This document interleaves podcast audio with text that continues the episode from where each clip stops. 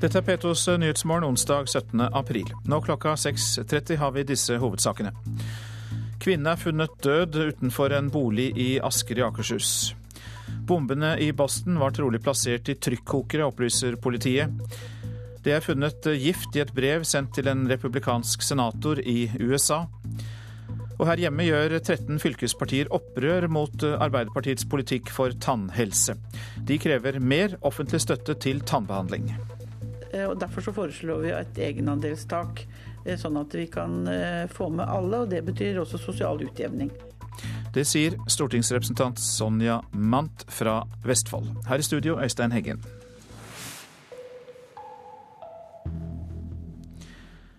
En kvinne i 40-årene er funnet død i Asker. Kvinnens samboer er pågrepet i forbindelse med dødsfallet, opplyser kriminalsjef Nina Karstensen Bjørlo. Det ble ringt inn en melding til politiet om at det lå en livløs kvinne utenfor eh, en adresse i Asker. Og eh, Politiet kom eh, ganske raskt til stedet og starta da gjenopplivning. Men etter hvert så ble da kvinnen konstatert død. Kvinna ble funnet like før midnatt utenfor en bolig i Asker. Bjørlo vil ikke gå inn på detaljene rundt dødsfallet. Vi gjennomfører nå fortløpende avhør av naboer. og så vil jo omstendighetene der og informasjonen de innhenter, vise dødsårsaken. Politiet har arrestert en mann i 50-åra som oppholdt seg på staden. Han skal være samboeren til kvinna og vil bli avhørt av politiet. Bjørlo sier at funnstaden nå er sikra, og at politiet vil fortsette etterforskninga utover dagen. Eh, vi eh, starter umiddelbart en eh, teknisk og også taktisk undersøkelse. Vi gjennomfører avhør av, av vitner, og, og, vil fortsette med det utover dagen. Kriminalsjef Nina Karstensen Bjørlo. Reportere Marte Halsør og Knut Erik Solhaug. Nå til USA. Det er fortsatt ukjent hvem som sto bak bombeaksjonen i Boston, men etterforskningen pågår for fullt og politiet ber om hjelp fra publikum. Samtidig er det funnet gift i et brev sendt til en republikansk senator i USA, forteller USA-korrespondent Anders Tvegård. Det er en konvolutt adressert til en republikansk senator fra Mississippi som inneholder risin. Det er et giftstoff som er svært dødelig, og det ses på som et potensielt eh, masseødeleggelsesvåpen. Det er eh, uklart om senator Wicker fikk brevet, eller om det ble stanset i den omfattende skanningen i Kongressen. Men postkontoret hos de folkevalgte har bestemt at de holder stengt de neste dagene. Og så skal stoffet sendes til mer avanserte prøver for å få fastslått om det er risin. som som de første prøvene altså tyder på. Det er ennå ikke kjent hvorfor senator Wicker eh, får brevet, som er postlagt fra Memphis. Og også sammenhengen her er, er noe uklar. Ja, Så om det er noen sammenheng med bombene i Boston, det vet man ennå ikke? Nei, men hele ledelsen i Kongressen er orientert av FBI om, om dette her i eh, natt. Og, og, de har altså da eh, av sikkerhetsgrunner valgt å, å stenge postkontoret. Politiet i Boston har bedt om hjelp fra publikum. Hvordan har reaksjonene vært? Det har vært minst 2000 eh, observasjoner som har kommet inn til eh, det føderale politiet, i tillegg til bilder og videoer og overvåkningskameraer i området. Politiet jobber naturlig nok døgnet rundt. FBI sa her på en pressekonferanse i natt at eh, gjerningsmannen eller gjerningsmennene trolig bar bombene inn i bager eller sekker. De sier det fordi det er funnet svart nylon på eksplosjonsstedet. Og de ønsker opplysninger fra publikum, flere opplysninger om noen har sett noen som har hatt store, tunge bager i, i målområdet. Politiet gikk gjennom det samme området med bombehunder før løpet, men dette er altså da uh, bager eller sekker som trolig har kommet inn i, i etterkant. Samtidig så forteller FBI at uh, rester fra bombene er sendt til et laboratorium, og de håper at bombeprøvene kan gi et klarere svar på, på hvem som står bak. Foreløpig så har de ingen mistenkte, og ingen har heller eh, tatt på seg skylda. Og, og motivet er, er, heller ikke kjent. Så hvor står politiet da i eh, etterforskningen? De har kommet eh, såpass eh, langt at de mener at det er eh, trykkokere som har vært fylt med splinter og metallbiter og, og, og spikere. Seks liters trykkokere. Og det er da laboratorieprøver som skal vise om, om de har hatt rett i det, og som kanskje også kan gi svar på hvor disse trykkokerne er kjøpt som kan bringe dem eh, nærmere en, en gjerningsperson. Eh, det er en etterforskning her som pågår med, med FBI og flere andre eh, statlige byråer, og, og, de koordinerer seg, men holder kortene tett til brystet. De vil ikke fortelle mye offentlig om hvor de står i dag, bortsett fra at det jobbes døgnet rundt for å forsøke å, å finne svar. Og I morgen så kommer presidenten hit, og han skal delta på minneseremoni for, for ofrene og de som eh, var med på løpet og opplevde eh, det verste terrorangrepet her i USA siden 11.9.2001. Det er en, en, messe som skal holdes i katedralen her i Boston. og Politiet jobber samtidig da med å forsøke å berolige folk, og også prøve å gi flere svar, fordi det er flere spørsmål enn det er svar her i USA i dag. Ja, USA-korrespondent Anders Tvegård, som jeg snakket med like før vi gikk på lufta. 13 fylkespartier gjør opprør med Arbeiderpartiets tannhelsepolitikk. Fylkeslagene er misfornøyde med at ikke alle nordmenn får støtte til tannlegeregningen, og mener at partiledelsen ikke har fulgt opp tidligere landsmøtevedtak. Kravet fra mange er at eh, et eh, eget andelstak og en frikortordning skal innføres i neste stortingsperiode. Det er noe som gjør veldig vondt for mange i Ap. Flere fylkeslag mener har funnet hull i regjeringens arbeid med å innføre egenandelstak for tannhelsebehandling, slik det i dag er på øvrig legehjelp. Det er jo ikke godt nok siden vi kom med nytt forslag. Eh, hadde det vært godt nok, så hadde vi ikke kommet med forslag. Sonja Mandt og Vestfold Arbeiderparti vil begrense tannlegeutgiftene til 3000 kroner i året, og lanserer et eget tannlegefrikort. Så langt er det kun eldre, rusavhengige, psykisk syke og andre spesielle grupper som får hjelp. Jeg tror ikke folk er fornøyde likevel, for det gjelder jo ikke alle. Eh, og Derfor så foreslår vi et egenandelstak, eh, sånn at vi kan eh, få med alle. og Det betyr også sosial utjevning. Aust-Agder Ap er ett av tre andre fylkeslag som foreslår eksakt det samme. Fire og åtte år gamle vedtak til tross. Ledelsen har ikke gjort jobben, sier fylkesleder Inger Løite. Ja, Det ble jo gjort et vedtak på et landsmøte for fire år siden, vel. Eh, så det er jo ikke fulgt opp sånn som intensjonen vår var. For oss er ikke dette godt nok. Eh, det må mer trøkk på det, det må mer fart på det. Eh, så det er det vi vil fortsatt trykke på for. Til sammen 13 av 20 fylkeslag foreslår eller støtter lokale tannhelseforslag, som alle er mer utålmodige enn partiledelsen. Espen Johnsen leder Oppland Aps delegasjon på landsmøtet. Han vil ha tannlegeutgiftene inn i dagens frikortordning, en enda dyrere løsning for staten. Vi ønsker at det, det egenandelstaket som i dag gjelder for andre typer helsebehandlinger, og skal gjelde for, for tannhelse. Man har ikke kommet i mål så langt, men det er mer å gjøre. og da er det viktig at eh, partiet er utålmodig til å få til det. Helsepolitisk talsmann Håkon Haugli forstår utålmodigheten, men vraker forslagene til fordel for en mer forsiktig tilnærming. At det ikke er oppfylt 100% er jeg helt enig i, men det er gjort masse. Vi har prioritert å ta de som har vært mest utsatt inn først. Og så er spørsmålet takten videre, og det er der det er eh, nyanseforskjeller i syn. Jeg tror det er bred enighet om målet, at det offentlige skal ta eh, et betydelig større ansvar for folks tannhelse. Men er ikke det korte svaret her egentlig bare at det er for dyrt? Eller i hvert fall at det er viktig å prioritere andre ting også. Vi har prioritert dette her, men det også, dette koster en del penger. Og det er viktig eh, å avveie mot andre prioriteringsformål hele veien.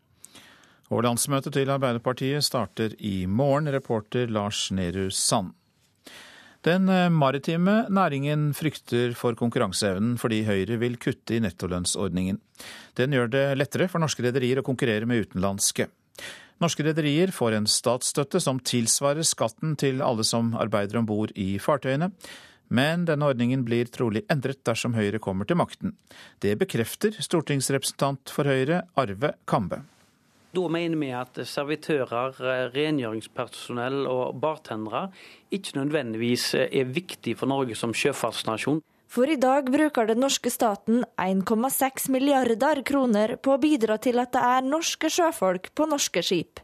De ansatte om bord betaler skatt på vanlig måte, men pengene går ikke til staten. De blir i stedet sendt videre til selskapet de jobber for. Spørsmålet er jo om en skal ha like vilkår som i resten av Europa, og være en del av den internasjonale konkurransen eh, eller ikke. Det sier Hege Solbakken, daglig leder i Maritimt Forum. Hun sparker i dag i gang kampanjen Maritim framtid, som har som mål å øke og lovfeste nettolønnsordninga. Vi ser at eh, rederiene sliter. De blir utkonkurrert fordi at eh, kostnadene er eh, store. Og dessverre så ser jo da noen av de seg nødt til å flagge ut. I en ny rapport som Maritimt Forum har fått gjennomført, ligger det til grunn at nesten 5000 sjøfolk vil miste jobbene sine uten nettolønnsordninga. Høyre foreslår i sitt alternative budsjett å kutte ordninga med nær en tredel. Det kommer ikke på tale, sier han som kanskje skal i regjering med Høyre, Ketil Solvik-Olsen fra Frp. En ny regjering med Frp og Høyre må også sørge for at Høyre snur. Hvis du priser lønningene for høye på kjøkkenpersonellet, så vil sannsynligvis skipet òg forsvinne ut fra norsk flagg. Reporter her, det var Ellen Wiseth. Så litt om avisenes forsider i dag. Leter blant sine egne, skriver Dagsavisen om etterforskningen av bombeangrepene i Boston. Ikke-islamske amerikanere har stått bak de aller fleste forsøk på terrorangrep i USA de siste årene. Dagbladet har bilde av åtte år gamle Martin Richard på forsiden. Han ble drept i terrorangrepet mot Boston Marathon. Moren og søsteren fikk alvorlige skader. Fjordmann betales av høyreekstreme i USA, skriver Aftenposten. Han var Anders Behring Breiviks ideologiske forbilde. Nå dyrkes Fjordmann av høyreekstreme som betaler advokater og reiser for ham. Det går fram av en ny bok. Utleieeksplosjon i de store byene kan vi lese i Dagens Næringsliv. Fire av ti leiligheter på Frogner i Oslo blir leid ut. Leieinntekter er kjempebutikk, sier 26 år gamle Daniel Hosøy, som planlegger å kjøpe sin tredje bolig. Den politiske opposisjonen i Bergen krever at byrådet tar mobbing mer alvorlig, skriver Bergens Tidende. 29 skoler har ikke fattet et eneste vedtak i mobbesaker det siste året. Ordfører Trude Drevland frykter at det ikke er tilstrekkelig oppmerksomhet rundt mobbeproblemet. Det kan bli forbudt for elever i grunnskolen i Kristiansand å ta bilder og lydopptak på skolen uten tillatelse fra en lærer. Det skriver Fedrelandsvennen i dag. Nye ordensregler skal være tiltak mot mobbing. LO-toppene Roar Flåten og Jan Davidsen beholder makta i Arbeiderpartiet, skriver Klassekampen på sin forside. LOs to mektigste ledere slutter i sine LO-verv, men ligger an til å bli gjenvalgt til Aps sentralstyre. Politikerne står uten tiltak for de aller fattigste, skriver Vårt Land. EU-borgere uten bopel og fast inntekt er de fattigste i Norge. Og tiggerforbud er partienes eneste svar, skriver avisa. Hordaland Arbeiderparti vil løse striden om oljeboring utenfor Lofoten på partilandsmøtet med et kompromiss, skriver Nasjonen. Møtet skal godta en utredning, men utsette spørsmålet om boring til et seinere landsmøte. Beklager seksuell audition for unge jenter, skriver Adresseavisen. Den Oscar-nominerte filmskaperen Halvard Witzøe beklager audition til filmen 'Nasjonaldag', der jenter ned til 15-årsalderen følte seg presset til å utføre seksualiserte oppgaver. Og biberfeberen, ja det er den korte overskriften på VGs forside. Og det er overskriften for det vi også nå skal snakke om. 22 000 Justin Bieber-fans fikk endelig se og høre idolet sitt i går kveld. I fjor skapte Bieber kaotiske tilstander da han holdt konsert på Operataket i Oslo, men det var i fjor. De har stått timevis i kø bak metallgjerder. Tynnkledde tråkker de rundt sammen med tusenvis av andre, som skal se den første av i alt tre konserter med popstjernen Justin Bieber på Forneby utenfor Oslo. Og nå har det begynt å regne. Celine bruker jakka som paraply. Du må redde ansiktet. liksom, du må redde sminken? Ja, ja. for Justin. Og jeg tror det blir veldig, veldig bra. Inngang E1 er på innsiden av gjerdet. E2, D2 og E3. Dere som kommer ut der nede, kan begynne å trekke mot deres høyre. Derfor er det også åpna. Men litt temperatur ble det da fansen trodde Bieber var igjen på arenaen og skulle vise seg i et vindu, noe politiet hadde avkreftet på sosiale medier. Gå der nå, folkens! Bare gå! Det er ikke noe vi gjøre. Brekk press inn her! Og etter konserten var Pernille og Celine strålende fornøyde. Det er helt fantastisk. Han er, å, han er så deilig. Det var måten han takker oss på. Han sier det hele tiden. Han sier sånn takk for at dere kom på konserten og takk for at dere alltid støtter meg. Og det er mange artister som bare går på og liksom forventer at de har masse fans. Justin takker alltid hele tiden. Det må vi huske. Nå skal jeg hjem til kjæresten min og synge alle Justin Bieber-sangene. Tror du han gleder seg? Ja. Men jeg tror han gleder seg til å se meg, så det blir koselig. Jeg tror han gleder seg til sangene, men Nei, men uh, han er faktisk en gutt som uh, liker Justin Bieber. det er et stort pluss, fordi det er, så, det er mange gutter som Sier har et stort han- hat og Ja. at han er homo og sånne ting. Og da, når man da hører at andre gutter liker han, så blir man sånn skikkelig gira. Ja, midt blant fansen, reporter Eirin Venås Sivertsen, og med oss på telefon sikkerhetssjef i Prosec, Henning Kristiansen. Dere var ansvarlige for sikkerhetstiltakene i går kveld. Hvordan vil du oppsummere jobben? Nei, Det store området som vi hadde satt av for å samle fansen før innslippet, det viste seg å fungere veldig bra.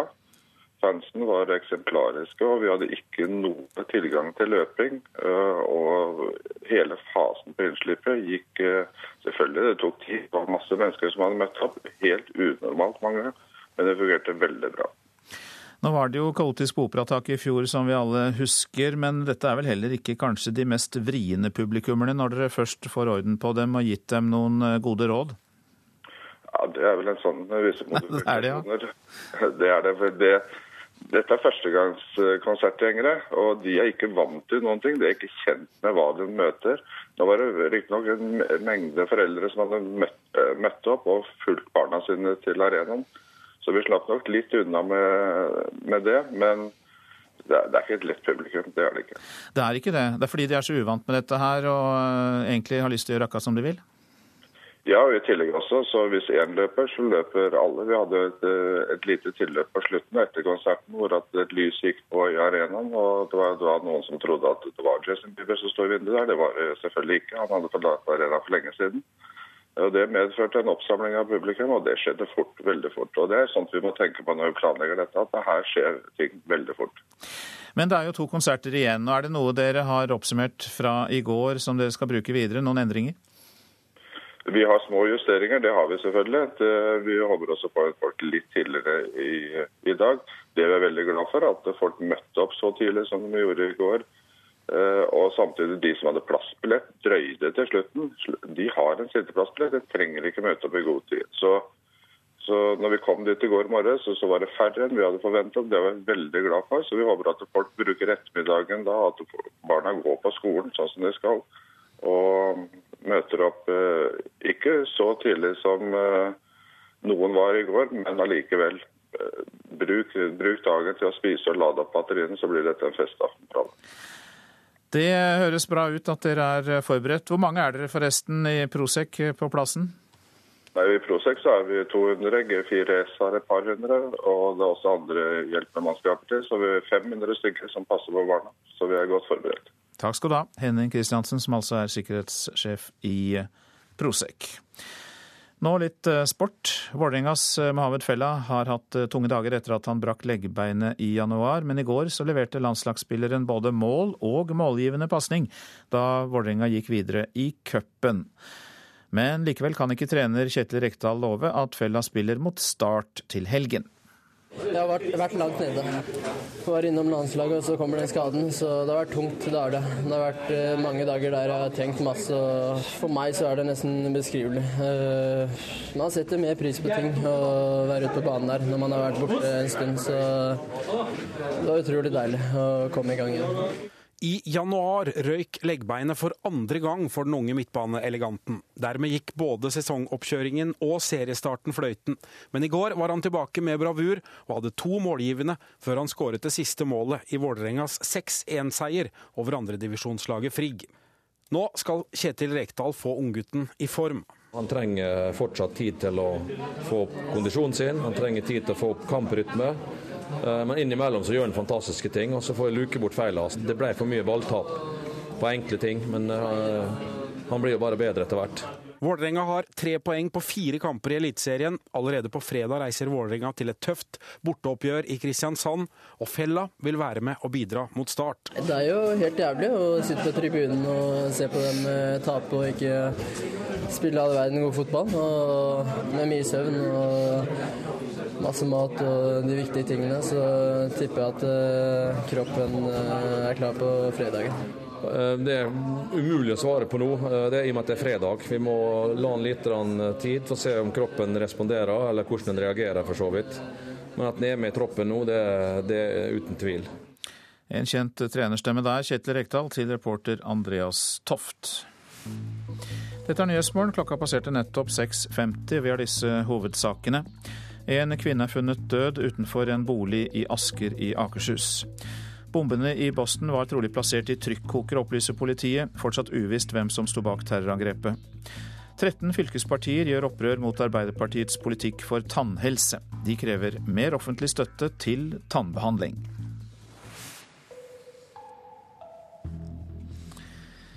Tegneserier nå, for færre barn leser tegneserier enn på 90-tallet. Da leste halvparten av barna her i landet tegneserier daglig.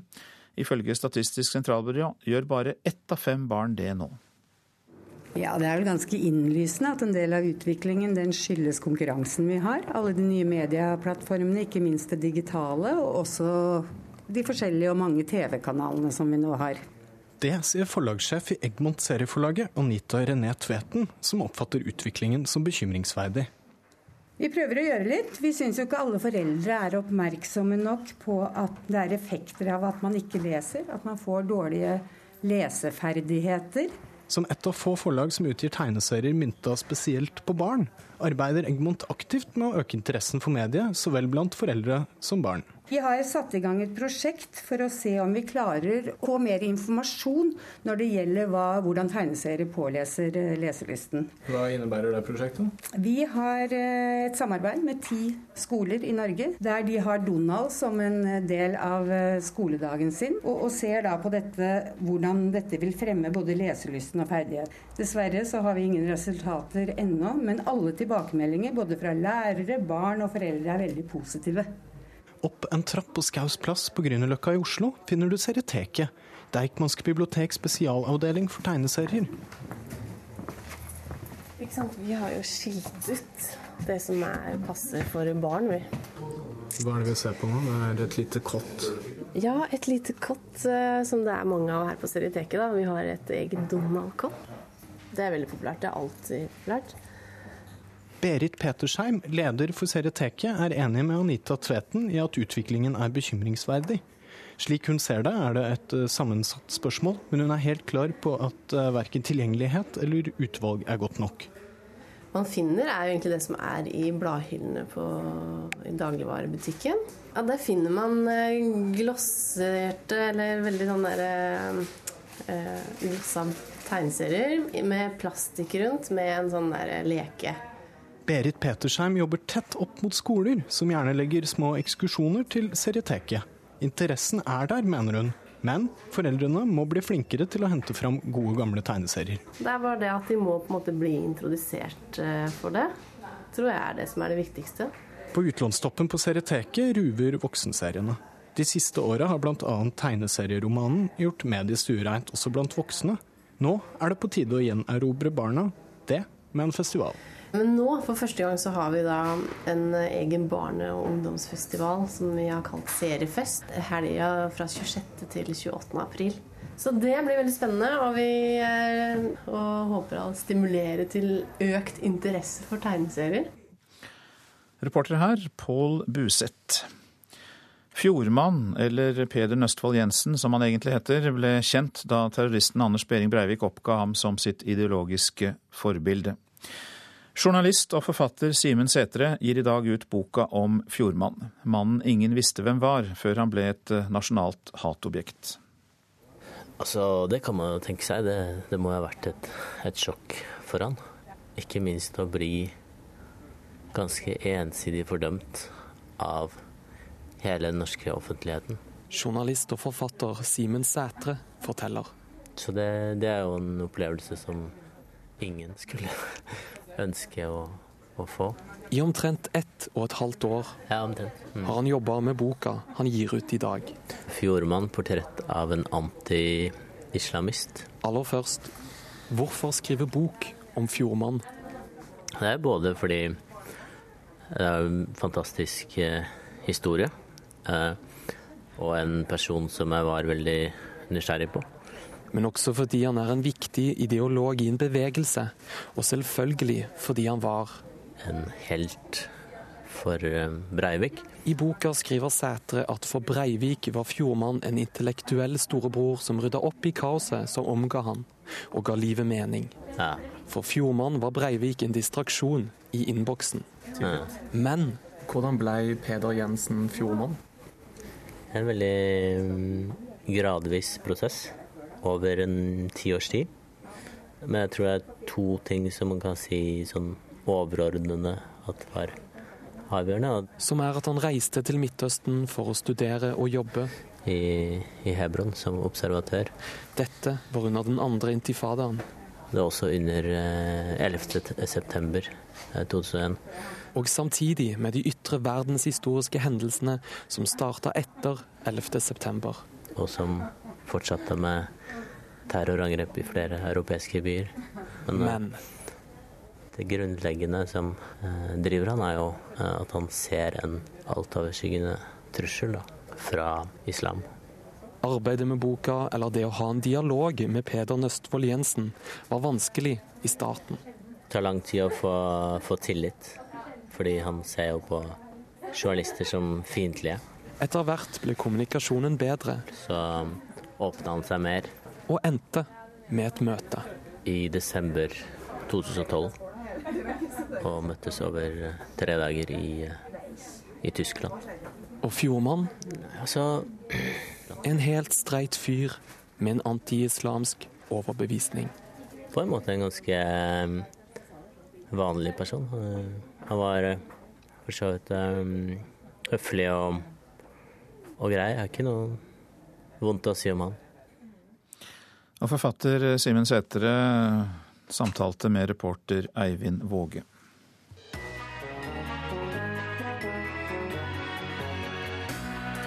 Radioselskapets gavestafett lar en person sitt rask bli en annen person si glede. Det er altså en slags kosakkhatt. Kinesisk urtete som jeg har fått fra den kinesiske stat. Alternativ A Nils Arne Eggen, alternativ B Kjell Magne Bondevik, står det.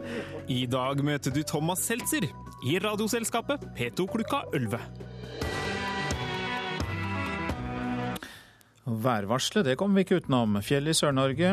Sørvestlig kuling, regnbyger, vesentlig i vest. Snø over 1000 meter. I ettermiddag minkende vind og stort sett oppholdsvær. I kveld sørlig frisk bris. Kuling sør for Finse. Litt regn i Langfjella. Snø i høyfjellet. Så tar vi Østlandet og Telemark samlet. Sørvestlig bris, på kysten liten kuling. Opphold og perioder med sol. Lokal tåke først på dagen. I kveld sørlig bris. Litt regn sør og vest for Mjøsa. Kan hende lokal tåke. Agder sørvestlig bris, liten kuling på kysten først på dagen. Enkelte regnbyger i indre strøk først på dagen, og ellers oppholdsvær og litt sol. I kveld sørlig bris i Agder, som øker til liten kuling på kysten vest for Lindesnes, og regn kan det bli. Vestlandet sør for Stad, regnbyger, snøbyger over 600 meter. I ettermiddag avtagende bygeaktivitet. I kveld øking til sørøstlig sterk kuling på kysten, sørlig stiv kuling i nord. Regn og snø over ca. 800 meter. Møre og Romsdal liten kuling i nord. Regnbyger, snøbyger over 600 meter. I kveld lettere vær. Trøndelag øking til sørvestlig liten og til dels stiv kuling på kysten. I kveld minkende til skiftende bris. Regn av og til og snø over 600 meter. I kveld blir det lettere vær i Trøndelag. Nordland i kveld sørvestlig liten kuling på kysten, litt regn av og til. Troms får stort sett oppholdsvær i dag. Fra i ettermiddag sørvestlig bris, litt regn av og til fra i ettermiddag, riktignok. Finnmark stort sett oppholdsvær. I kveld sørvestlig bris i vest med litt regn på kysten. Tordensjøland på Nordensjøland heter det, på Spitsbergen. Østlig liten kuling. Fra i ettermiddag frisk bris og oppholdsvær. Temperaturer målt klokka fem. Svalbard lufthavn minus ti, og resten er plussgrader. Kirkenes og Vardø to, Alta og Tromsø fire.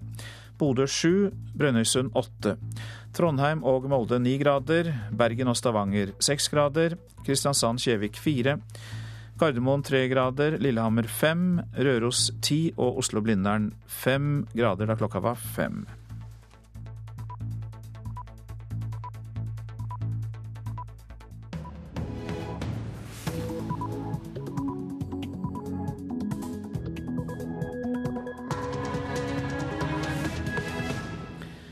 Det er P2s Nyhetsmorgen du lytter til, og klokka den er sju. I studio Øystein Heggen.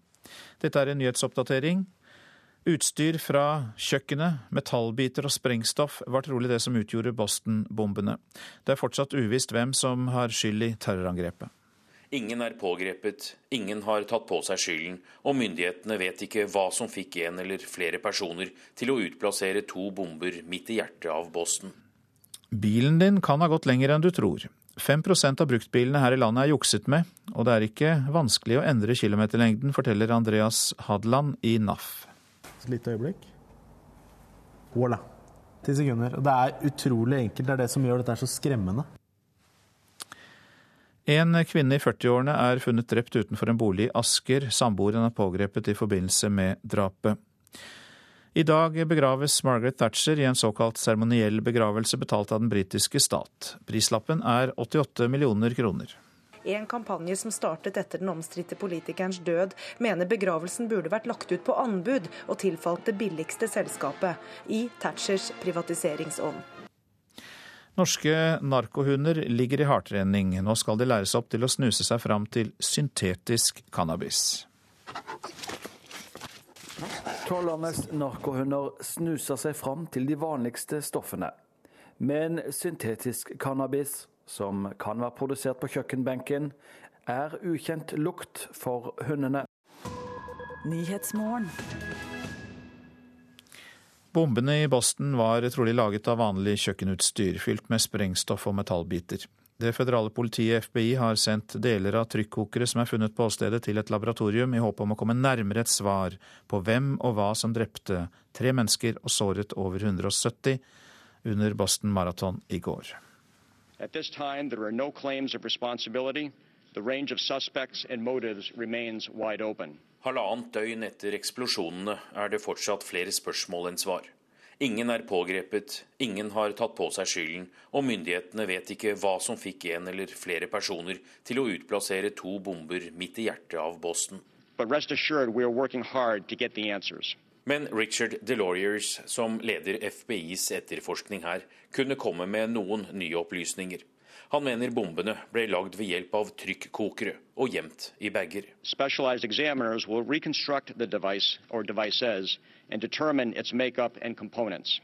Området er finkjemmet, og rester fra det som trolig er bombene, er sendt til laboratorium. Blant restene er svart nylon, som tyder på at de tunge bombene i seksliters trykkokere fylt med metallbiter, spiker og kulelagre ble fraktet inn i ryggsekker eller bager, sier Deloriers. Han ber publikum fortsatt komme med tips og bilder som kan være med på å oppklare den verste terroraksjonen på amerikansk jord siden 11.9.2001. Så langt er det kommet inn over 2000 observasjoner. Trykkokere har ofte blitt brukt i angrep i Afghanistan, India, Nepal og Pakistan, men er et mindre vanlig syn i USA. Det har blitt og vært forsøk på å detonere hjemmelagde våpen også her, som f.eks. under OL i Atlanta i 1996, og på Times Square i New York i 2010, ifølge Departementet for innenrikssikkerhet. Selv om etterforskningen pågår for fullt, tror ikke myndighetene bombene i Boston er en del av en større terrorplan.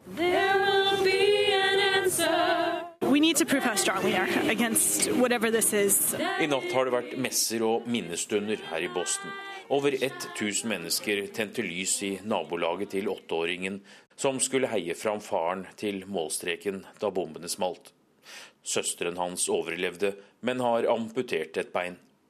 Også to andre er bekreftet drept. En 29 år gammel kvinne, også her fra Massachusetts, og en kvinnelig student fra Kina. Familien ønsker ikke at identiteten til den drepte blir offentlig. På sykehus ligger fortsatt 17 mennesker kritisk skadd, men flere av de 160 andre er skrevet ut eller blir det i løpet av et par dager. USA er i høy beredskap etter terroranslaget.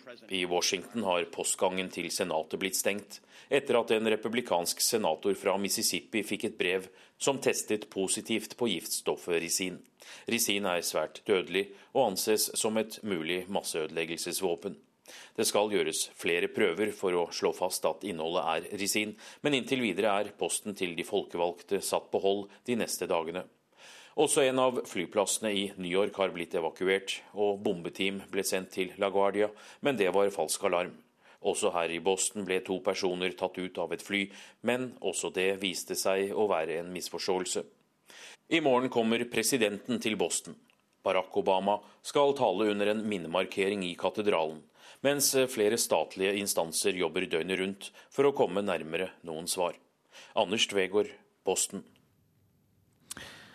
Ole Moen, USA-kjenner og professor, takk for at du er med oss fra studio på Lillehammer. Det er altså uvisst hvem som sprengte disse bombene.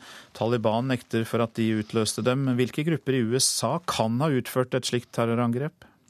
Nei, det, blir jo bare spekulasjoner, men eh, vanligvis så er det jo i første omgang alltid eh, spekulasjon om, om utlendinger eller eh, internasjonale voldsgrupper. Men det viser seg i slike tilfeller ofte at det er hjemmeavlet, og da er det jo disse militante gruppene som, som ser på utviklingen i verden som sosialismens frammarsj, og det er antiabortgrupper som har stått bak de de aksjonene som har vært både i Atlanta og likedan, eh, mener man, i Spokane eh, i, Spokane i, Washington, i staten Washington i, under Martin Luther King-marsjen i, 2011.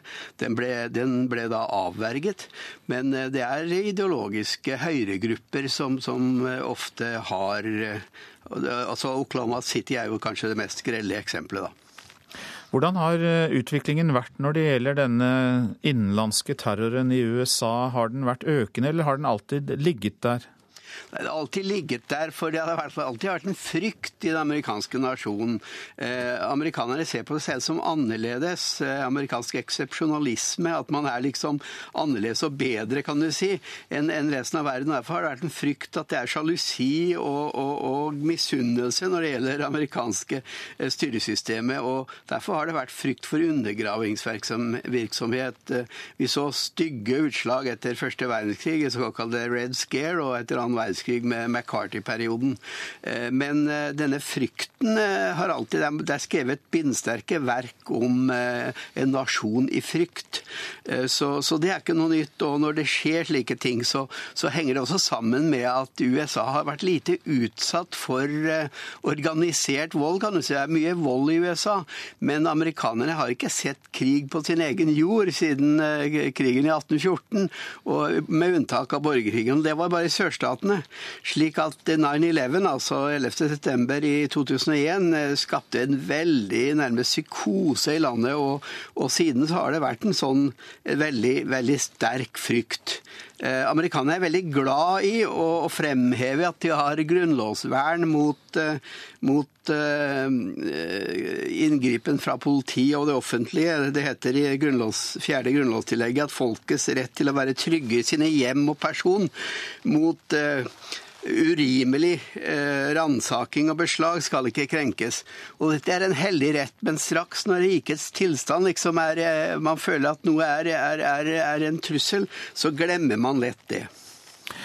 Det har også sendt uh, gift uh, i posten til en amerikansk senator. Er det mulig å se noen sammenheng? Det var jo det også i etterslepet av uh, eh, 9-11. Slik at det, er klart at det har disse copycats, altså at det er folk som blir inspirert av disse tingene til å gjøre, til å gjøre slike ting. For å skape frykt. Terror er jo i seg selv det at man, at man Terrorisme er jo det at man vil skape frykt frykt, og at frykten er kan du si, eh, uvilkårlig. Man vet ikke hvor den slår til. Og eh, det gjør da lett at man kan, eh, kan få en, en, en bølge av hysteri, nærmest. Mange takk skal du ha, Ole Moen, USA-kjenner og professor. Du var altså med oss fra Lillehammer, og vi understreker altså at vi ennå ikke vet hvem som kan ha gjennomført dette angrepet i Boston. Hjem igjen. Kilometerstanden til 5% av norske bruktbiler kan ha vært jukset med, ifølge Norges Automobilforbund NAF. Bilkjøpere taper 2,14 milliarder kroner i året på svindelen som blir gjort med utstyr som kan kjøpes for et par tusenlapper på nett. Det byr meg faktisk imot å vise hvor enkelt det er. En dings på størrelse med en iPhone blir kobla til bilens hjerne. Diagnosekontakt. Og nå kan Andreas Hadeland i NAF sjøl bestemme hvor langt bilen har kjørt. Dashbordet det blinker noen ganger. Et lite øyeblikk. Voilà. Ti sekunder. Og det er utrolig enkelt. Det er det som gjør dette så skremmende. Bilen som før hadde gått 220 000 km på veien, har nå kjørt beskjedne 50 000 km.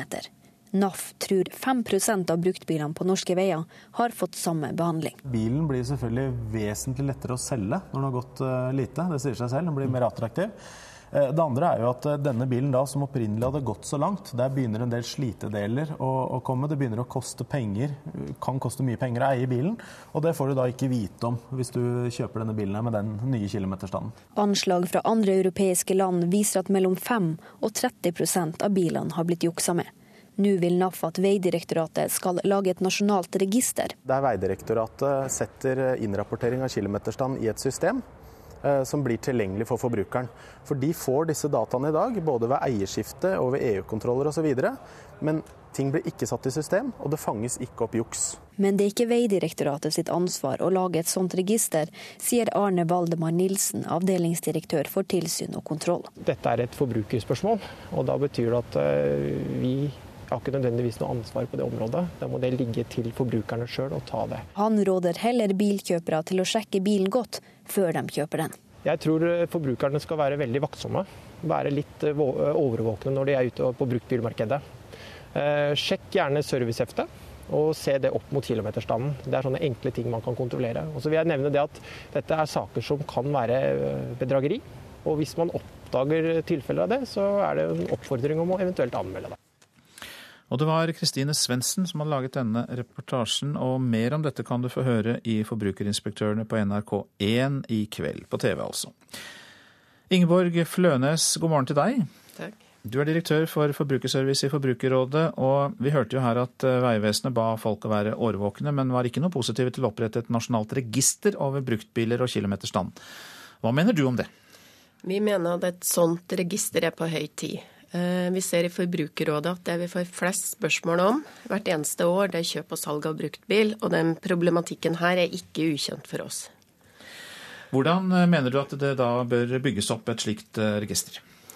Ja, det som er viktig her, er jo at det blir et enkelt register å bruke for forbrukeren, og at vi tar vare på personvernet. Akkurat hvem som skal gjøre det, har vi ikke noe sterk mening om. Det kan være flere. Forbrukerrådet har god erfaring i å ha en del portaler for forbrukerne. Så vi kan gjøre det, men det er også andre som kan gjøre det. Det viktigste er at det kommer på plass. Og hvis man får et sånt register, så kan man da som bruktbilkjøper lett uh, logge seg inn og så sjekke kilometerstanden opp mot det som faktisk da står på bilen? Ja, det må være målet.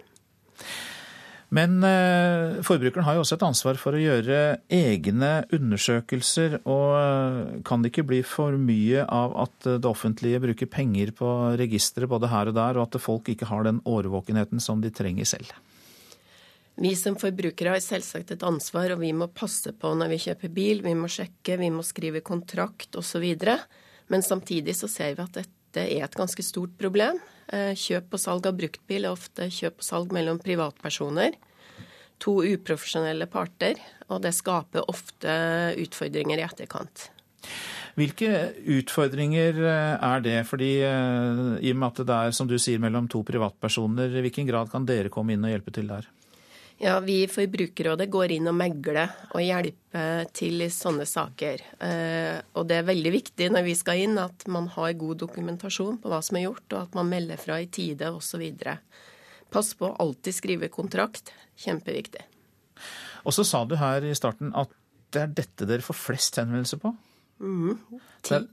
Det er altså, det er altså Norges uh, største problem når det gjelder forbrukerklager, så er det bruktbil. Ja, 10% av alle henvendelsene våre gjelder bruktbil. Og det som kanskje var litt skremmende, er at vi gikk tilbake 30 år i tid og så at også da var kjøp og salg av bruktbil på topp i det folk henvendte seg til oss i Forbrukerrådet på. Og oppsummert så tror kanskje da du det at et slikt register over kilometerstand vil kunne bidra til å få den klageprosenten ned? Det håper vi, og det tror vi. Mange takk. Ingeborg Flønes, som er direktør for Forbrukerservice i eh, Forbrukerrådet. En mann er pågrepet etter at en kvinne i 40-årene er funnet drept i eh, Asker i Akershus. Hun ble funnet utenfor sin bolig like før midnatt. Mannen er i 50-årene og skal være kvinnens samboer. Han oppholdt seg på stedet da politiet pågrep ham. Kvinnen var påført ytre skader, opplyser politiet, som sier at flere vitner er blitt avhørt i løpet av natten. Dette er Nyhetsmorgen, og klokken den passerte nettopp 7.15. Vi har disse hovedsakene. Gransking av eh, bombene i Boston, som delvis består av eh, kjøkkenutstyr og trykkokere, skal gi svar på hvem som sto bak terrorangrepet, håper politiet det er. Norske bruktbilkjøpere svindles for eh, milliarder av kroner på en enkel måte, mener NAF, nemlig ved å justere kilometerstanden, og dette hørte vi nettopp om. Politiet roser de 22 000 Justin Bieber-tilhengerne som var på konsert i går, for det foregikk rolig.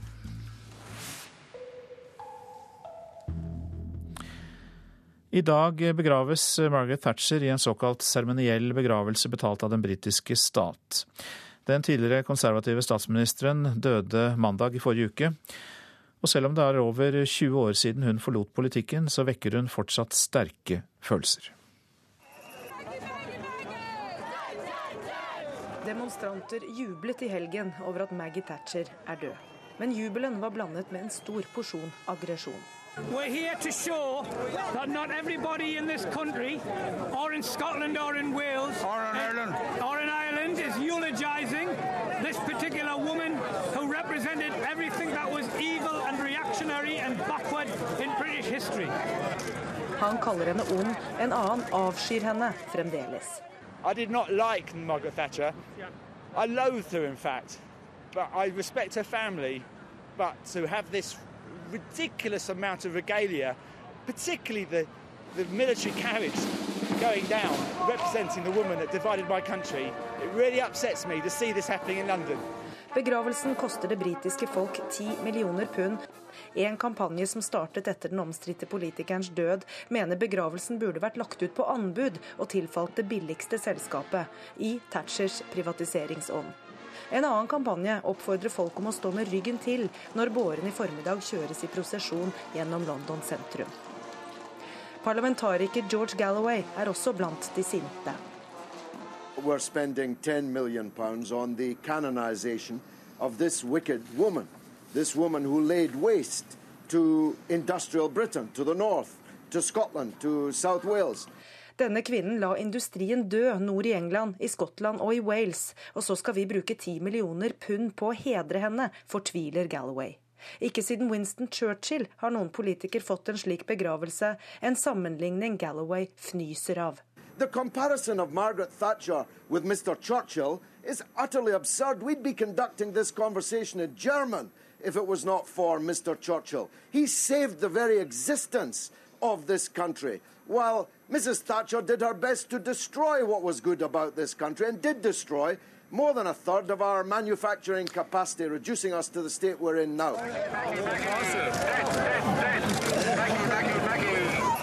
Det er ventet demonstrasjoner igjen i formiddag. Andre mener det nå er på tide å la jernkvinnen hvile i fred. Wrong. People. Lives. So you know, just let her, just let her rest in peace. You know, she's got a family out there. If it was someone else's mum who died, they wouldn't want anything. You know, everyone's done wrong thing, wrong things in their life, but you know, it doesn't mean she has to be prosecuted for that. Korrespondent Gry Blekastad Almås hadde laget reportasjen, og hun følger jo da også med på prosesjonen og begravelsen som skjer fra klokka 11 norsk tid i formiddag. Jan Erik Mustad, du er førstelektor ved Universitetet i eh, Agder og følger med på Storbritannia. Ja, Hvem er det som varsler aksjoner mot begravelsen i dag? Nei, Det er jo litt av de samme gruppene som vi så på Trafalgar Square på, på lørdag. Vi hørte uttalelser fra her i kuttet fra London. Eh, spesielt representanter fra de gruppene som ble hardest ramma av Thatchers politikk. Spesielt på tidlig 80-tall, da kullgruveindustrien tekstilindustrien og andre tradisjonelle industrier ble nokså regelrett radert ut av den britiske økonomien. Men eh, ja, noen av dem reagerer jo på Margaret Thatchers holdninger holdninger mm. til sine motstandere og hennes handlinger.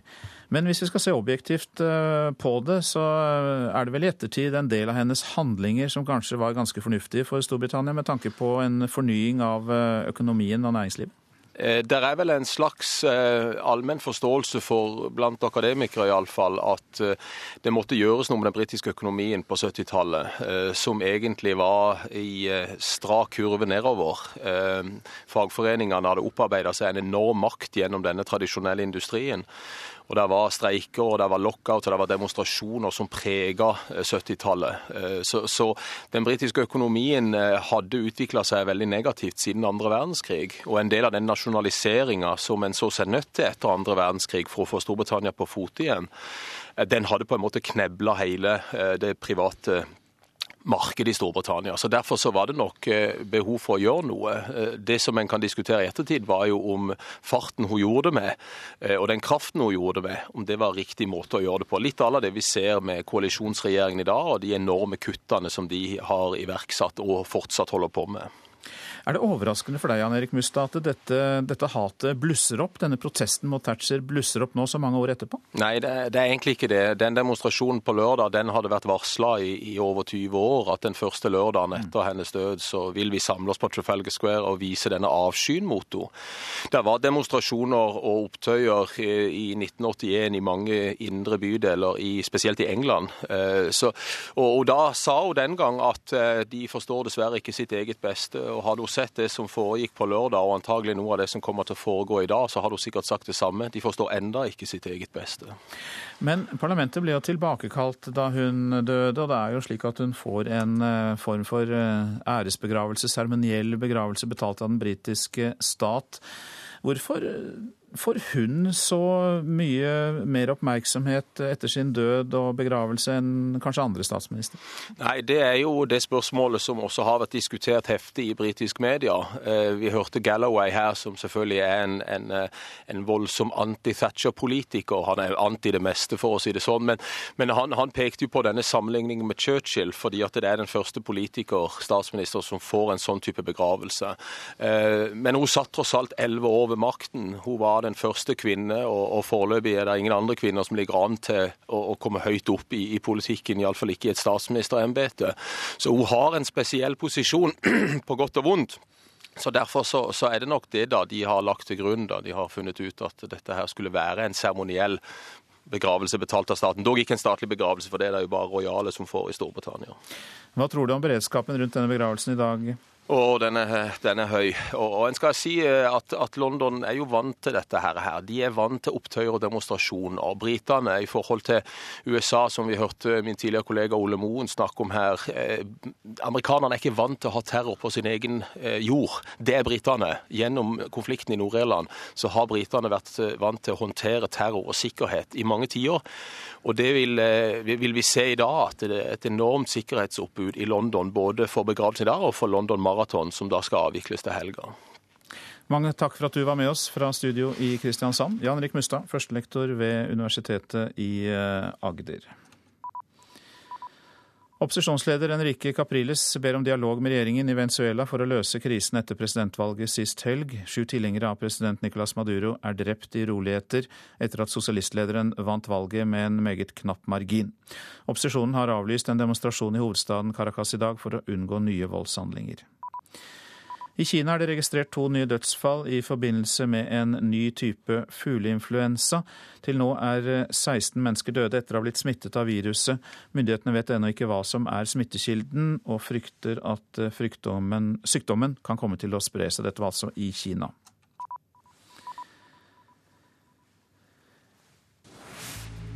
Så til avisenes forsider. Leter blant sine egne, skriver Dagsavisen om etterforskningen av bombeangrepene i Boston. Ikke-islamske amerikanere har stått bak de aller fleste forsøk på terrorangrep i USA de siste årene. Dagbladet har bilde av åtte år gamle Martin Richard på forsiden. Han ble drept i terrorangrepet mot Boston Marathon. Moren og søsteren fikk alvorlige skader. Fjordmann betales av høyreekstreme i USA, skriver Aftenposten. Han var Anders Behring Breiviks ideologiske forbilde. Nå dyrkes Fjordmann av høyreekstreme, som betaler advokater og reiser for ham, går det fram av en ny bok. Utleieeksplosjon i de store byene kan vi lese om i Dagens Næringsliv. Fire av ti leiligheter på Frogner i Oslo blir leid ut. Leieinntekter er kjempebutikk, sier 26 år gamle Daniel Hosøy til avisa. Han planlegger å kjøpe sin tredje bolig. Den politiske opposisjonen i Bergen krever at byrådet tar mobbing mer alvorlig, skriver Bergens Tidende. 29 skoler har ikke fattet et eneste vedtak i mobbesaker det siste året. Ordfører Trude Drevland frykter også at det ikke er tilstrekkelig oppmerksomhet rundt mobbeproblemet. Det kan bli forbudt for elever i grunnskolen i Kristiansand å ta bilder og lydopptak på skolen uten tillatelse fra en lærer, skriver Fedrelandsvennen. Nye ordensregler skal være et tiltak mot mobbing. LO-toppene Roar Flåten og Jan Davidsen beholder makta i Arbeiderpartiet, skriver Klassekampen. LOs to mektigste ledere slutter i sine LO-verv, men ligger an til å bli gjenvalgt til Arbeiderpartiets sentralstyre. Politikerne står uten tiltak for de aller fattigste, skriver Vårt Land. EU-borgere uten bopel og fast inntekt er de fattigste i Norge. Og tiggerforbud er partienes eneste svar, skriver avisa. Hordaland Arbeiderparti vil løse striden om oljeboring utenfor Lofoten på partilandsmøtet med et kompromiss, skriver Nasjonen. Møtet skal godta en utredning, men utsette spørsmålet om boring til et seinere landsmøte. Beklager seksuell audition for unge jenter, skriver Adresseavisen. Den Oscar-nominerte filmskaperen Halvard Witzøe beklager audition til filmen Nasjonaldag. Der jenter ned til 15-årsalderen følte seg presset til å utføre seksualiserte oppgaver. Og Bieberfeberen, det er den korte og eneste overskriften på VGs forside i dag.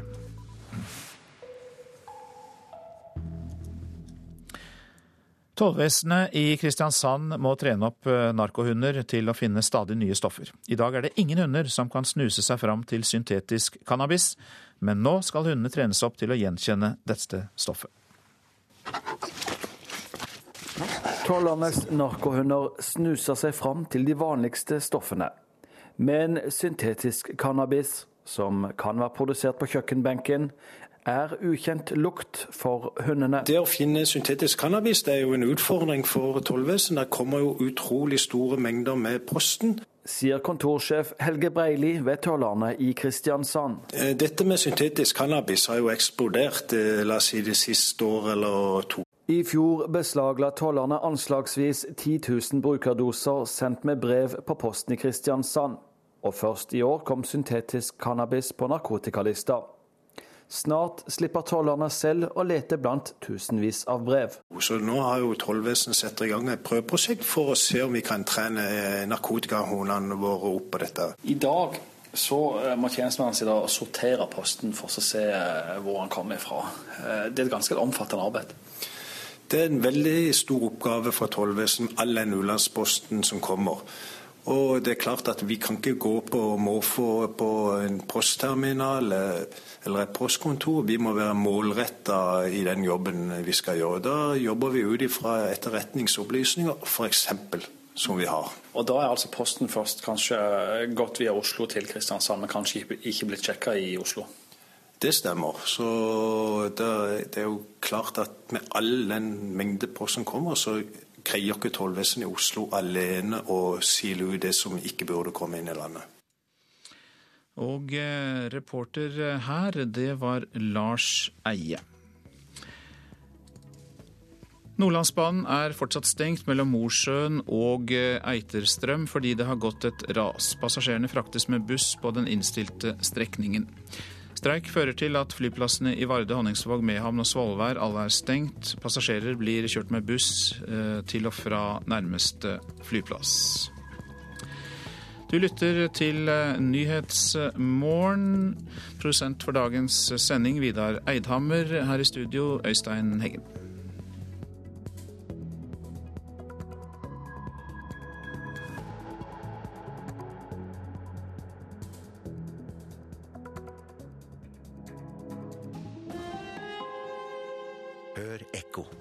Hva skjer den dagen regimet i Nord-Korea kollapser?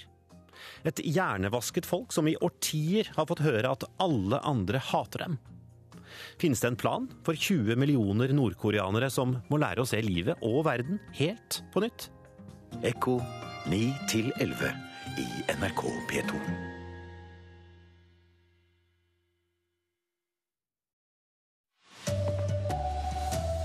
Bombene i Boston var trolig laget av vanlig kjøkkenutstyr. Politiet vet fortsatt ikke hvem som står bak.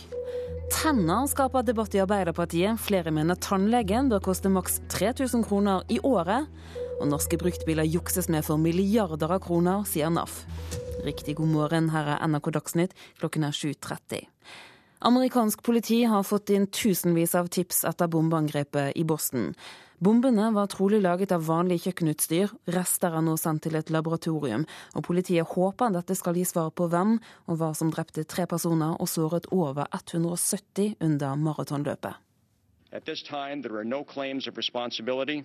The range of suspects and motives remains wide open. Halvannet døgn etter eksplosjonene er det fortsatt flere spørsmål enn svar. Ingen er pågrepet, ingen har tatt på seg skylden, og myndighetene vet ikke hva som fikk en eller flere personer til å utplassere to bomber midt i hjertet av Boston. Men Richard DeLauriers, som leder FBIs etterforskning her, kunne komme med noen nye opplysninger. Han mener bombene ble lagd ved hjelp av trykkokere og gjemt i bager. Området er finkjemmet, og rester fra det som trolig er bombene, er sendt til laboratorium.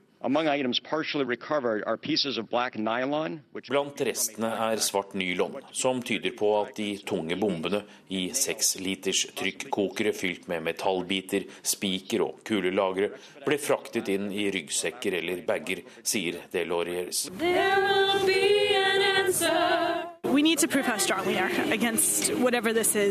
I natt har det vært messer og minnestunder her i Boston.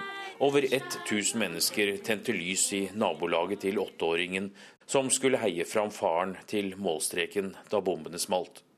Også to andre er bekreftet drept. En 29 år gammel kvinne, også her fra Massachusetts, og en kvinnelig student fra Kina. I morgen kommer presidenten til Boston. Barack Obama skal tale under en minnemarkering i katedralen, mens flere statlige instanser jobber døgnet rundt for å komme nærmere noen svar. Anders Tvegård, Posten. En mann er pågrepet etter at en kvinne i 40-årene ble funnet drept utenfor en bolig i Asker i Akershus like før midnatt. Mannen som er pågrepet skal være kvinnens samboer, og flere vitner har blitt avhørt i løpet av natten. Tannhelse har fått 13 fylkespartier i Arbeiderpartiet til å gjøre opprør. Fylkeslagene er misfornøyd med at mange ikke får støtte til tannlegeregningen, og nå kommer det forslag om en årlig maksgrense. Det er jo ikke godt nok siden vi kom med nytt forslag. Eh, hadde det vært godt nok, så hadde vi ikke kommet med forslag. Sonja Mandt og Vestfold Arbeiderparti vil begrense tannlegeutgiftene til 3000 kroner i året, og lanserer et eget tannlegefrikort. Så langt er det kun eldre, rusavhengige, psykisk syke og andre spesielle grupper som får hjelp. Jeg tror ikke folk er fornøyde likevel, for det gjelder jo ikke alle. Eh, og Derfor så foreslår vi et egenandelstak, eh, sånn at vi kan eh, få med alle. og Det betyr også sosial utjevning. Aust-Agder Ap er ett av tre andre fylkeslag som foreslår eksakt det samme. Fire og åtte år gamle vedtak til tross. Ledelsen har ikke gjort jobben, sier fylkesleder Inger Løite. Ja, Det ble jo gjort et vedtak eh, på et landsmøte for eh, fire år siden, vel. Eh, så det er jo ikke fulgt opp sånn som intensjonen vår var. Til sammen 13 av de 20 fylkeslagene i Arbeiderpartiet foreslår eller støtter lokale tannhelseforslag, som alle er mer utålmodige enn partiledelsen. Helsepolitisk talsmann Håkon Haugli forstår utålmodigheten, men vraker forslagene til fordel for en mer forsiktig tilnærming. Dette koster en del penger, og det er viktig eh, å avveie mot andre prioriteringsformål hele veien. Vi har prioritert å ta de som har vært mest mest utsatt inn først. Og så er spørsmålet takten videre, og det er der det er eh, nyanseforskjeller i syn. Jeg tror det er bred enighet om målet, at det offentlige skal ta eh, et betydelig større ansvar for folks tannhelse. Reporter her, det var Lars Nehru Sand. Kilometerstanden til 5% av norske bruktbiler kan ha vært jukset med, ifølge NAF. Bilkjøpere taper over 2 milliarder kroner i året på svindel. Det byr meg faktisk imot å vise hvor enkelt det er. En dings på størrelse med en iPhone blir kobla til bilens hjerne. Diagnosekontakt. Og nå kan Andreas Hadeland i NAF sjøl bestemme hvor langt bilen har kjørt. Dashbordet det blinker noen ganger. Et lite øyeblikk. Voilà. Ti sekunder. Det er utrolig enkelt. Det er det som gjør dette så skremmende. Bilen som før hadde gått 220 000 km på veien, har nå kjørt beskjedne 50 000 km. NAF tror 5% av bruktbilene på norske veier har fått samme behandling. Bilen blir selvfølgelig vesentlig lettere å selge når den har gått uh, lite. Det sier seg selv. Den blir mer attraktiv. Uh, det andre er jo at uh, denne bilen da, som opprinnelig hadde gått så langt, der begynner en del slitedeler å, å, komme. Det begynner å koste penger. Kan koste mye penger å eie bilen. Og det får du da ikke vite om hvis du kjøper denne bilen med den nye kilometerstanden. Anslag fra andre europeiske land viser at mellom 5 og 30% av bilene har blitt juksa med. Nå vil NAF at Vegdirektoratet skal lage et nasjonalt register. Der Vegdirektoratet setter innrapportering av kilometerstand i et system eh, som blir tilgjengelig for forbrukeren. For de får disse dataene i dag, både ved eierskifte og ved EU-kontroller osv. Men ting blir ikke satt i system, og det fanges ikke opp juks. Men det er ikke Vegdirektoratet sitt ansvar å lage et sånt register, sier Arne Valdemar Nilsen, avdelingsdirektør for tilsyn og kontroll. Dette er et forbrukerspørsmål, og da betyr det at eh, vi har ikke nødvendigvis noe ansvar på det området. Da må det ligge til forbrukerne sjøl å ta det. Reporter Kristine Svendsen. I dag begraves jernkvinnen Margaret Thatcher i en såkalt seremoniell begravelse som ble betalt av den britiske stat. Det er 20 år siden den tidligere konservative statsministeren forlot politikken. Likevel så skaper hun fortsatt svært sterke følelser. It really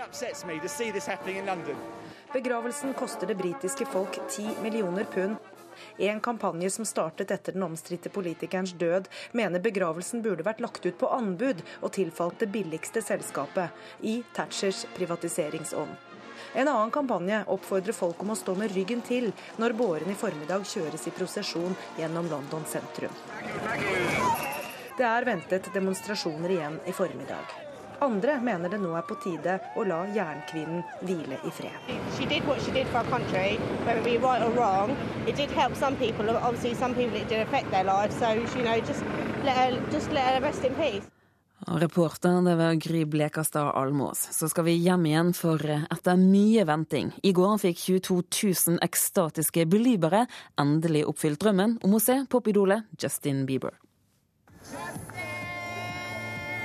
De har stått timevis i kø bak metallgjerder. Tynnkledde tråkker de rundt sammen med tusenvis av andre, som skal se den første av i alt tre konserter med popstjernen Justin Bieber på Fornebu utenfor Oslo. Og nå har det begynt å regne. Celine bruker jakka som paraply. Du må redde ansiktet. Du, liksom, du må redde sminken? Ja. ja. For Justin. Og jeg tror det blir veldig, veldig bra. Inngang E1 er det E2, D2 og E3 er det langs gjerdet. Justin Bieber. I fjor skapte han kaotiske tilstander på Operataket i Oslo sentrum. Men i år har arrangementet gått overraskende fint, til tross for at syv mennesker har blitt kjørt til sykehus, sier Tom Berger ved Asker og Bærum politikammer. Eh, det jeg har fått rapportert nå, er at vi ikke per nå i hvert fall er klar over noen alvorlige eh, hendelser Eh, og i det store og det hele så har dette gått eh, veldig, veldig bra. Og etter konserten var Pernille og Celine strålende fornøyde. Helt fantastisk. Han er, å, han er så deilig. Det må vi huske. Nå skal jeg hjem til kjæresten min og synge alle Justin Bieber-sangene. Ja. Reporteren det var Eirin Venås Sivertsen.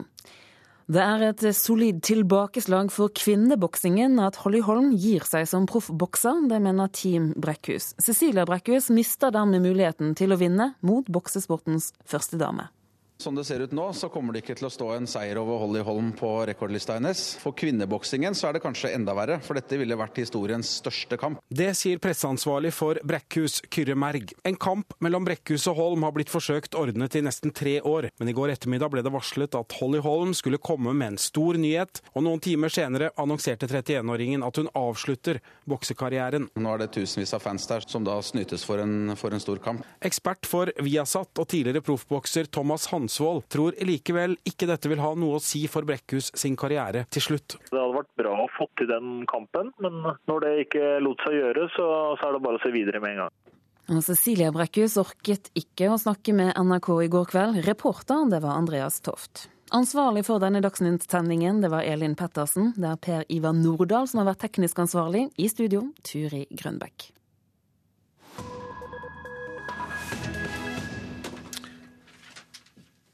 Det er Nyhetsmorgen du lytter til.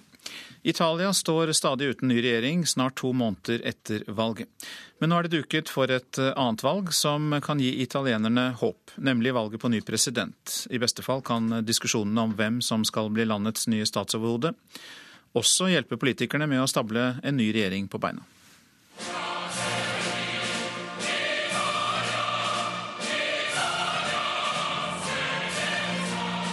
Italias brødre. Italia har våknet. Strofene fra Italias nasjonalsang fyller gatene i Bari sør i landet, der flere hundre mennesker er møtt opp for å høre Silvio Berlusconi tale. Det er lørdag formiddag og snart to måneder siden valget på ny nasjonalforsamling. Quasi 50 giorni e non abbiamo ancora uno straccio di governo. Nesten 50 dager er gått og ennå har vi ikke noe som engang ligner på en regjering. Er det mulig? Synes du det er akseptabelt under denne dype krisen at vi lever med denne absurde lammelsen? spør Silvio Berlusconi de fremmøtte.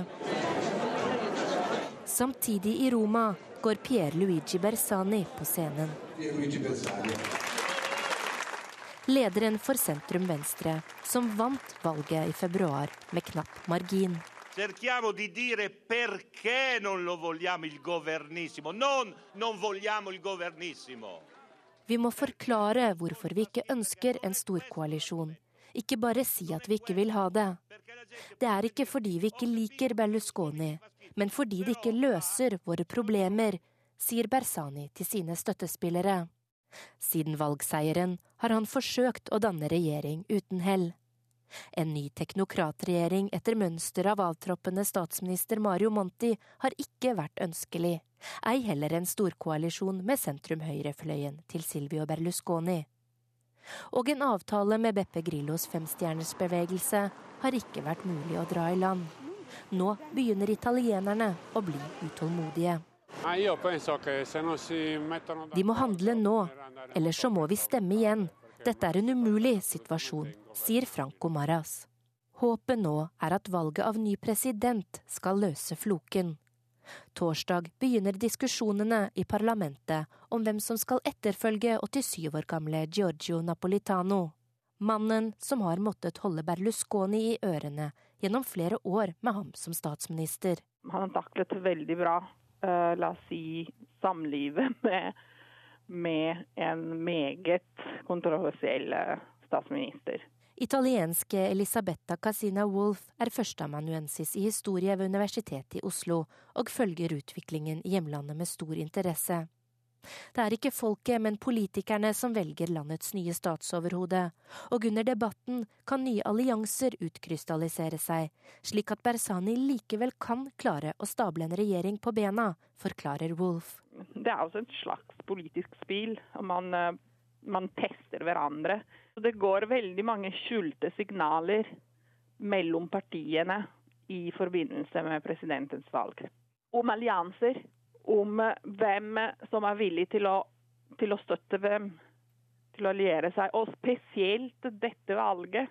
For kommer ikke partiene til enighet, blir den nye presidenten nødt til å oppløse parlamentet på nytt og lyse ut valg.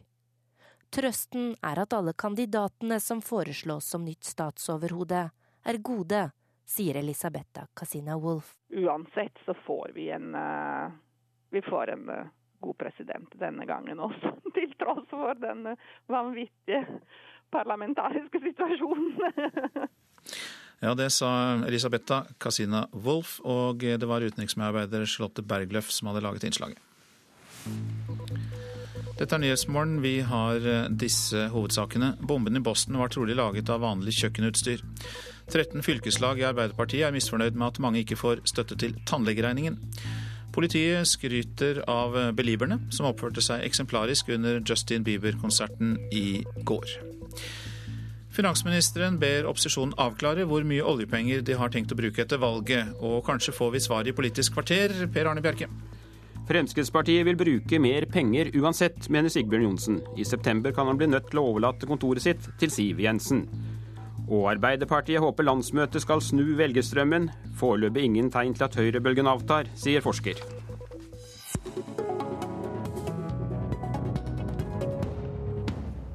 I morgen åpner Arbeiderpartiets landsmøte, og som vanlig har delegatene med seg flere kostbare forslag, som f.eks. at staten skal ta mesteparten av regningen når vi er hos tannlegen. Sigbjørn Johnsen, kunne det ikke være fristende å bruke litt mer penger nå som det er valgår? Vi bruker allerede mye penger, men eh, nå får landsmøtet gå sin gang. Og jeg ser fram til å være på det landsmøtet. Det er alltid moro å være på et landsmøte i Arbeiderpartiet. Bare ikke bruke for mye av pengene dine? Ja, det er våre penger, våre penger, så eh, det er viktig å gjøre gode prioriteringer. Så eh, vi kommer til å bruke mer penger i åra framover, men så får vi se hva slags formål vi skal bruke dem på. Du tviholder på handlingsregelen og ber opposisjonen avklare hvor mye oljepenger de vil bruke god tid før valget. Men hva er det egentlig du er så redd for når både Høyre, Kristelig Folkeparti og Venstre forsvarer handlingsregelen? Men poenget er at eh, et, av de store partiene som tar mål av til å bli med i denne regjeringa, nemlig Fremskrittspartiet, har et helt annet syn på handlingsregelen. Og jeg tror det er, ikke bare tror, men jeg mener det er grunnleggende viktig, og særlig eh, hvis det skulle skje at Fremskrittspartiet får finansministeren, at eh, statsministeren og finansministeren faktisk er enige om handlingsregelen og oljepengebruken. Det er vel du som blir sett på som selve trusselen, da, Siv Jensen. Leder i Fremskrittspartiet og med meg fra Harstad, der du besøker eh, lokale partifeller i forkant av valgkampen. Kan du berolige finansministeren? Jeg kan uh, fortelle finansministeren at uh, Fremskrittspartiet vil føre en ansvarlig økonomisk politikk hvis vi kommer i regjering og vinner valget. Det jeg syns er ufint av Arbeiderpartiet og Sigbjørn Johnsen, det er jo nærmest å indikere at uh, Frp-ere er mindre glad i landet sitt og derfor ikke er så opptatt av hvordan det går med landets økonomi. Det syns jeg er å, å, avspore debatten. Vi er opptatt av å føre en ansvarlig økonomisk politikk. Men Arbeiderpartiet og Fremskrittspartiet er uenige om politiske veivalg. Arbeiderpartiet finansierer f.eks. veibyggingen gjennom bompenger og later som det ikke er økt skatt. Men det er det altså. Uh, Arbeiderpartiet syns f.eks. det er helt greit å plassere om formuen vår ved å investere i Statkraft, i SEIS, i DNB, i Hydro og Aker, i strømlinjer og flyplasser. Da kaller de det formuesomplassering. Men å gjøre det samme med jernbane og vei, ja, da er det løpende utgifter og må begrenses. Dette skjønner ikke vi.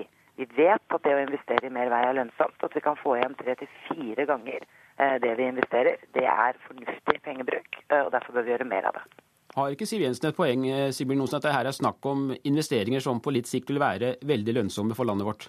Det er jo to ting som er viktig. Det ene er at det er jo ikke ufint å spørre opposisjonen om hva slags politikk de skal føre. Altså Den dagen det blir ufint, da, da har politikken på mange måter utspilt litt sin rolle.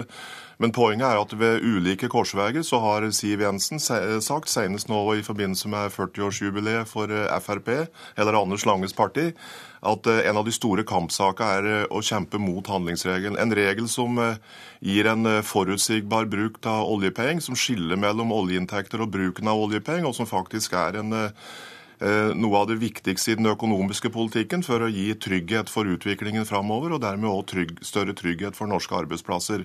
Det er det spørsmålet dreier seg om. Så kan vi diskutere hva vi skal bruke penger på til forskjellige formål, men det er noe helt annet. Og så er det jo slik at det f.eks. å kjøpe aksjer i, eller ha ny kapital i Statoil eller Statkraft, er jo investeringer som gir stor avkastning, og som gir penger til ulike gode formål over streken i statsbudsjettet. En vei i seg sjøl gir ikke fem øre i inntekter.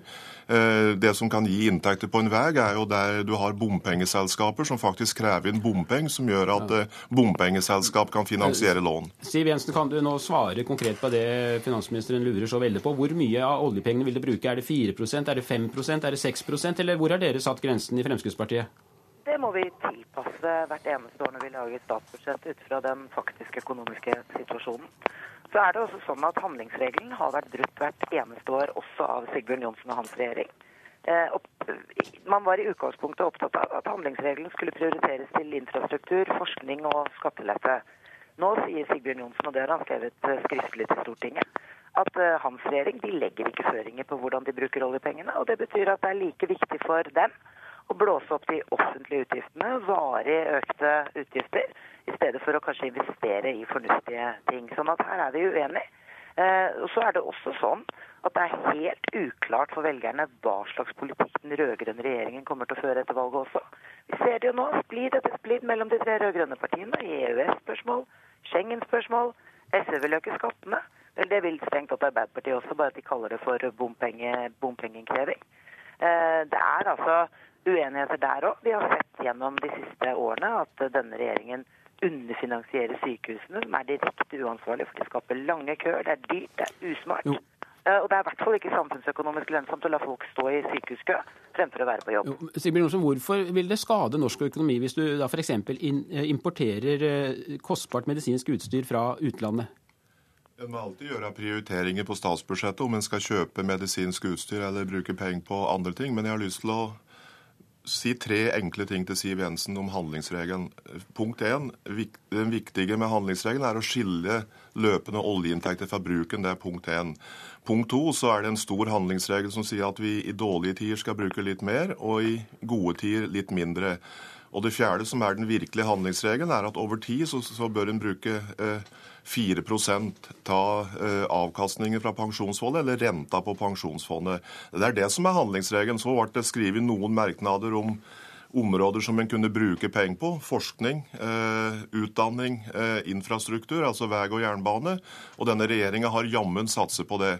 Eh, Fremskrittspartiet var f.eks. ikke med på den merknaden. De var opptatt av å bruke pensjonsfondet til å fondere pensjoner, som for så vidt var et aktverdig formål. Men Siv Jensen prøver å prate seg vekk fra saken, og det er at det er stor uenighet mellom den mulige statsministeren i en ny borgerlig regjering og den mulige finansministeren i den regjeringa. Hvis Jens og undertegnede hadde vært så grunnleggende uenige om handlingsregelen, så hadde finansministeren hatt et stort problem. Siv Jensen, hvis du da blir eh, finansminister etter valget, er det ikke da rimelig at du forteller forteller velgerne hvor mye av oljepengene du skal bruke, og ikke bare vise til at dette skal dere snakke om etter valget, men si konkret hvor mye oljepenger skal dere bruke i forhold til den nåværende regjeringen? Ingen regjering har på forhånd sagt hvor mye oljepenger de kommer til å bruke hvert eneste år, rett og slett fordi det handler om utviklingen i norsk økonomi over tid. Eh, om økonomien tåler mer penger, eller om de må Jo, men 4 %-regelen ligger vel der? Jo, men Poenget er at det, det, Sigbjørn Johnsen fremhever som det han kaller tre enkle ting om handlingsregelen, det kan jeg. Handlingsregelen ble innført sammen med inflasjonsmålet for pengepolitikken i 2001, eh, hvor man trakk opp disse litt kunstige skillene for pengebruk. Jeg er like opptatt jeg, av å skille mellom investering og drift, fordi det er forskjell på å investere og på å bruke opp penger. Jeg er opptatt av hvordan vi bruker penger, for det å blåse opp varige offentlige utgifter er noe ganske annet enn å investere i fremtidig verdiskaping. Det er forskjell på om man over statsbudsjettet øker skattene eller reduserer skattene. Og alt dette handler om politiske prioriteringer. Så kan jeg forsikre Sigbjørn Johnsen om at også i en ny regjering kommer til å føres en ansvarlig økonomisk politikk. Men det er altså ikke sånn at det er Arbeiderpartiet som har hegemoni på å definere hva som er ansvarlig. Vi er uenige om de politiske prioriteringene. Og så får velgerne avgjøre da om de syns det er riktig å fordekke Eh, investeringene i, i infrastruktur f.eks. ved å kalle det bompenger når det er men, sånn. Det, det, dette er en helt annen diskusjon. for det, det, som det, Nei, det, som er det grunnleggende, er at Siv Jensen så sent som i april eh, i år, for 14 dager siden, ja. sa at en av hennes store kampsaker var å kjempe mot handlingsregelen. Erna Solberg har et helt annet syn, og det er det som er problemet. Da må jeg si takk til dere to. Denne debatten kommer vi garantert tilbake til skal vi få inn neste gjest her, ja, for Arbeiderpartiets landsmøte. Det åpner som sagt i morgen, og en av sakene der er altså at staten skal ta en betydelig del av regningen når du går til eh, tannlegen. Velkommen hit, eh, Sonja Mandt, stortingsrepresentant og leder i Vestfold Arbeiderparti. Jeg burde vel egentlig introdusere deg med å si vær så god, sitt ned og gap opp. Hvorfor mener du at staten bør ta tannlegeregningen? Vi er eh, utålmodige. Eh, vi ønsker at eh, landsmøteforslagene våre fra tidligere skal nå innfries. og Derfor så har vi et forslag om et egenandelstak. Det utjevner sosiale forskjeller og også, gir også en bedre folkehelse hvis eh, folk får stell tennene sine og har råd til det. Men dere mener altså at tannhelsen eh, på sikt skal integreres som en del av det offentlige ansvaret på lik linje med øvrige helsetjenester, som det står i dette forslaget. Og betyr ikke dette i realiteten da fri tannhelsebehandling? Vi har veldig mye helsetjenester som har egenandel. altså Hvis du går til fastlegen, så har du det. Og, og bruker fysioterapi, så har du det. Så vi ønsker i første omgang en egenandelstak på 3000 kroner. Og det er fylkespartiene i Vestfold, eh, Telemark, Vest- og Aust-Agder som står bak forslaget. Vi hadde et enda mer ambisiøst forslag forrige gang. Nå har vi sagt at vi, vi har et tak på 3000 kroner, og det mener vi er riktig. Nå hørte vi finansministeren nettopp si at det er nødvendig å begrense pengebruken. Og vi vet jo altså at det brukes enorme beløp på helse i Norge. Går det ikke et sted en grense for hva staten kan påta seg av utgifter? sånn Emant? Vi tror at det er riktig prioritering å prioritere god eh, tannhelse. Eh, og det er brukt veldig mye penger på tannhelse de siste sju åra. Over 1 milliard kroner er økt. Og nå har vi beredt grunn for at vi skal kunne innføre et uh, egenandelstak. Fått flere tannleger, mer rekruttert, bedre, uh, mer opplært tannleger. Vi har integrert flere nye grupper inn i refusjonsordninger. Nå er vi utålmodige og ønsker at eh, resten av befolkningen også skal få være med på det og ha et egenandelstak på 3000 kroner. Men så hører vi også at sykehusene mangler penger. Hva er viktigst, helsevesenet eller tannhelse? Jeg tror vi må se det over ett. Eh, tannhelse er eh, helse, som jeg var inne på. Folkehelse det å eh, utjevne sosiale forskjeller. Eh, alt eh, ligger innenfor tannhelse- og helsefeltet. Så jeg tror vi må se på tannhelse som en del av helsefeltet som vi ikke har vært veldig flinke til å gjøre. Nå ble jo et lignende forslag om fri tannhelse vedtatt på landsmøtet for to år siden og for fire år siden, og så har ledelsen da ikke fulgt opp. Hva syns du om at partiet nærmest boikotter det dere har fått flertall for på landsmøtet? Jeg tror at tida er inne for at det nå kan bli realisert, for nå har vi lagt beredt grunn for at det kan gjøres. Som jeg sa, det har blitt flere tannleger, sånn at vi kan få et likt tilbud over hele landet. Og så er vi veldig utålmodige nå for å få det til. Eh, de har utreda uh, ulike former for egenandelstak i uh, departementet. Da er det klart å kunne sette inn støtet, få, få gjennomført det vedtaket som vi fire fylkespartier hadde forrige gang, og som vi har denne gangen. Takk skal du ha, Sonja Mandt. Så får vi da se om landsmøtet får gjennomført forslaget sitt denne gang.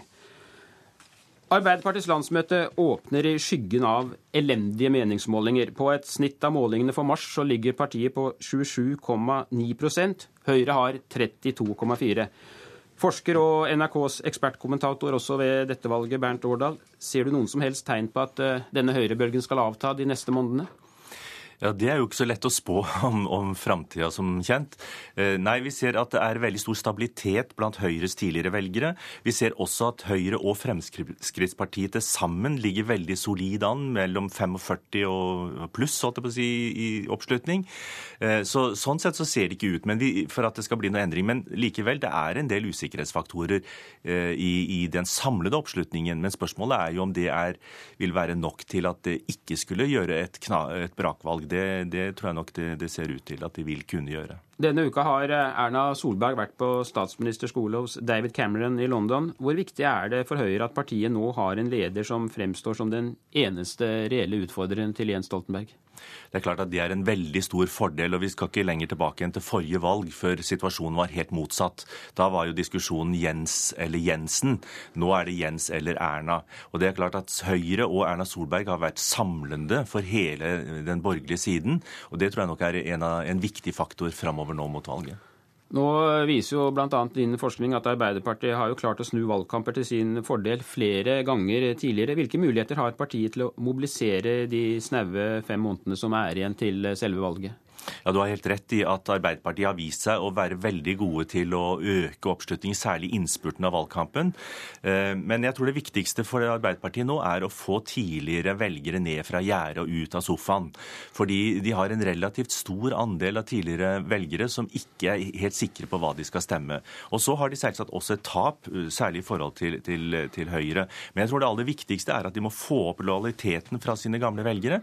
Og det betyr jo at de må skape en viss begeistring om hele prosjektet, både om Arbeiderpartiet selv, men også om det rød-grønne prosjektet. Og det er klart at det er en ganske tøff oppgave nå etter åtte år med, med makten. Styringsdyktighet har jo vært Arbeiderpartiets kanskje sterkeste argument i valg etter valg. Hvor mye er dette svekket etter eh, Gjørv-rapporten som kom i august i fjor? Ja, det det, er et uh, godt spørsmål. Det er ikke så lett å si hvor stor effekten er, men at den er der. og Det, det har jo på en måte vært Arbeiderpartiets sterkeste kort. Særlig i perioder hvor det har buttet mot og det har vært uklarhet om den politiske kursen, så har styringsdyktigheten vært det, det, det viktige. Uh, nå er det mye vanskeligere for Arbeiderpartiet å si at uten oss så kommer syndfloden. Takk skal du ha, Bernt Årdal, NRKs ekspertkommentator ved stortingsvalget. Og det var eh, Politisk kvarter med Per Arne Bjerke. Jeg minner om at denne sendingen kan du også høre ved å laste den ned på podkast.